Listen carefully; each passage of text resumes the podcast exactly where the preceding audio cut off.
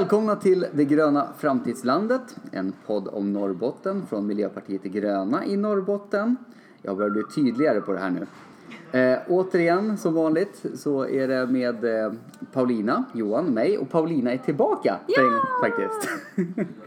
Efter fyra avsnitt eh, borta, som vi i och för sig inte än har publicerat, så ni kanske inte ens har märkt det. Ni kommer bara höra oss tjata om det här framöver liksom. Eh, och idag har vi med oss en eh, gäst från Luleå, politiker, eh, Malin Fredjeholm. Och jag kommer också lämna över eh, eh, rodret för den här podden till Paulina framöver.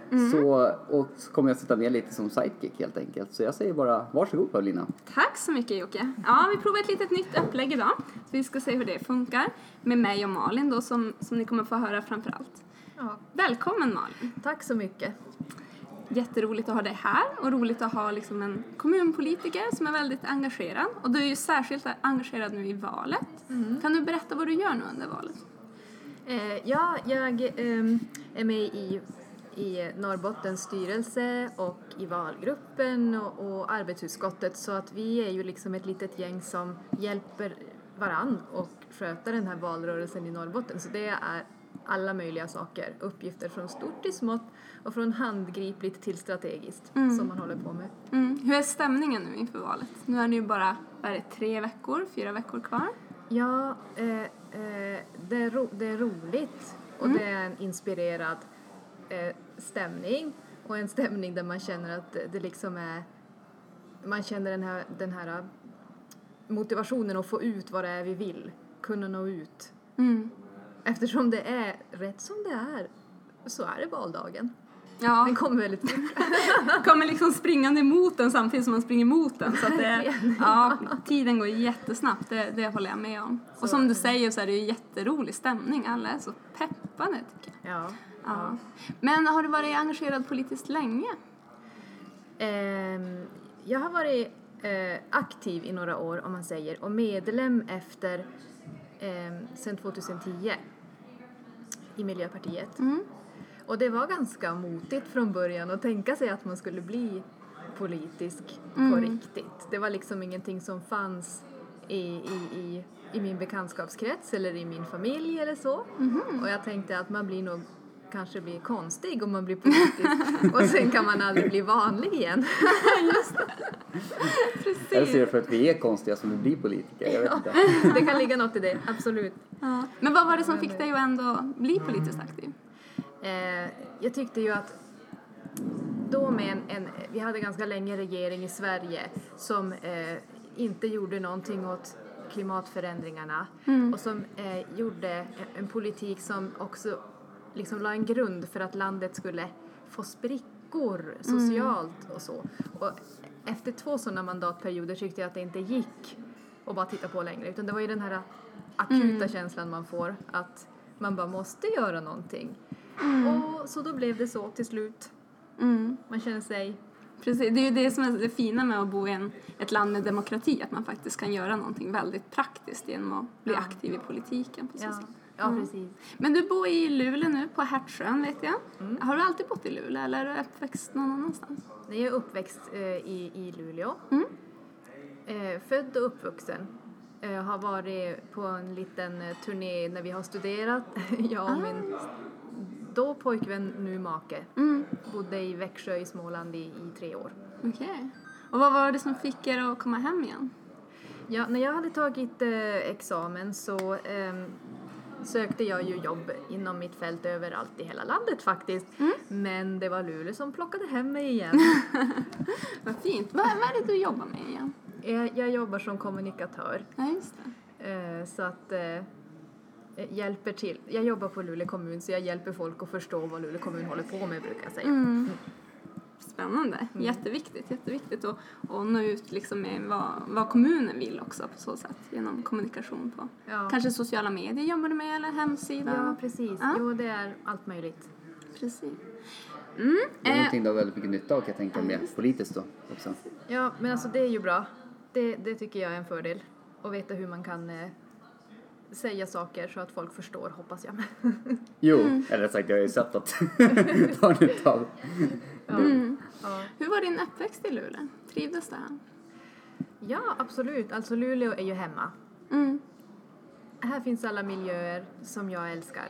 Mm. Och människorna som jag älskar.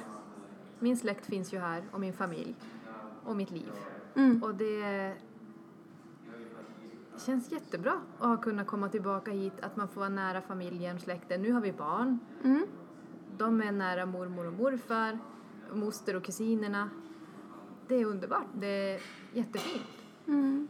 Och jag har blivit som mer att jag tycker att varför skulle inte vi, det är klart att vi ska kunna leva eh, hållbara, bra liv här lika väl som i en, en storstad eller vad som. Vi, vi, det, det har ju liksom så mycket fördelar med att vara här också.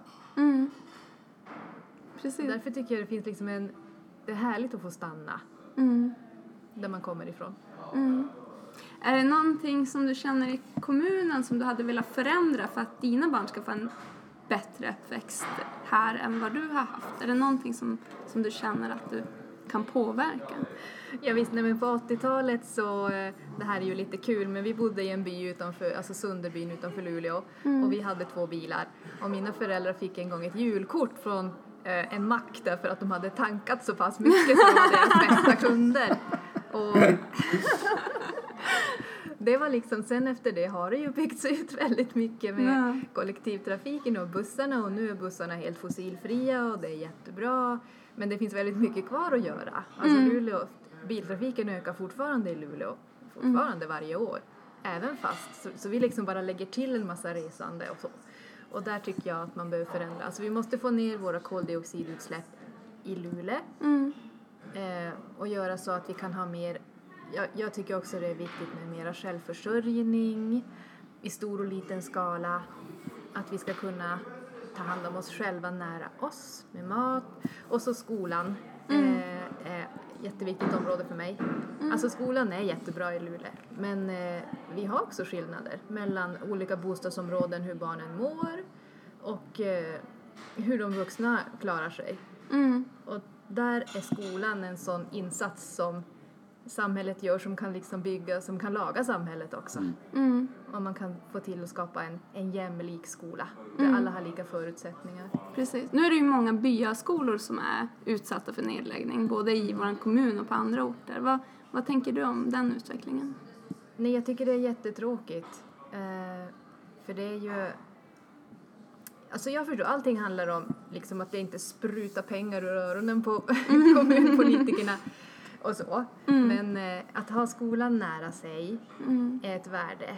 Att kunna leva livet i den by där man, där man bor är ju underbart på många sätt. Alltså det är ju både för, för att det är tryggt att vara nära och det, en liten skola kan vara jättefin men också för att man inte ska behöva hålla på och åka så långt varje gång man ska, bara varje dag. Liksom att barnen ska få sin utbildning. Man tvingas ju in i då jättemycket resor och så. Mm. Sen kan det säkert finnas fördelar med större skolor också, bara ifall man bygger dem bra. Så det inte det blir en, liksom en, som en stor sån här, ja, folkmassa bara. Sån känsla i skolan. Ja, ja, men precis. Att det blir kvalitet i, i skolverksamheten. Det är väl ofta svårt att rekrytera lärare ute på landsbygden också. Det är väl ett problem eller? Ja, så. precis. Ja, det är det. Mm. Eh, och, och barnen måste ändå åka liksom på... De, de har ju rätt till många olika saker som, som eh, slöjd eller musik eller... Eh, ja, och de ska ju kunna ha det också. Det, det är svårt för små skolor. Särskilt med lärarbristen är det jättejobbigt. Precis, precis. Ja, jag jobbar ju själv på Hertsöskolan nu på högstadiet där. Ja. Och just nu, vi börjar jobba imorgon och just nu så har vi ingen lärare i tredjespråksundervisning. Mm. Så att det har blivit ett jättestort problem. Och då pratar man ju om olika lösningar som digital undervisning och sånt. Just för att rekryteringen är så svår också. Mm. Så att vi, vi får se vart utvecklingen går. Det kanske blir en helt digital skola framåt. Men, Ja, det, är, Ja. det är inte omöjligt. nej men precis. Mm. Du står ju på kommunfullmäktigelistan Malin. Vad är din vision för Luleås framtid? Jo, nej men det blir ju, det är ett, ett Luleå som är eh, eh, fossilfritt, alltså miljövänligt. Alltså det ska vara lätt att leva bra i Luleå. Eh, det ska inte vara på individens, en individ ska inte behöva kämpa sig till på massa Mm. krångliga sätt och leva miljövänligt utan det ska vara någonting som händer för att Mm. kommunen har planerat för det. Precis. Eh, och så vill jag ha en stad med moderna värderingar och med det menar jag att vi har jämställdhet, eh, vi jobbar mycket med det, Mm. vi, vi, jobbar, vi, vi, vi står upp för mänskliga rättigheter, det, ska vara, det är självklart men det är ändå någonting som man måste göra idag. Mm. Alla ska vara välkomna här, vi ska ha, eh, alla ska kunna delta, alla ska kunna ta del av demokratin och samhället. Mm. Gäller det här även Piterbor alltså? Ja, ska vi sträcka oss så långt? Inte riktigt. Ja, men det är ju väldigt, eh, väldigt grundläggande också. Det är skrämmande att man inte kan ta det för givet i, i dagens samhälle. Men det är ju en utveckling vi ser att vi, vi måste ju jobba aktivt med de här frågorna. Vi kan Ja. inte bara glida på och tro att det löser sig och är någon slags självklarhet. Nej, precis. Det håller jag absolut med om. Mm. Mm. Man har tagit, tagit sånt för givet i många länder ganska lite för länge liksom. Ja, det precis. ser man ju Ja.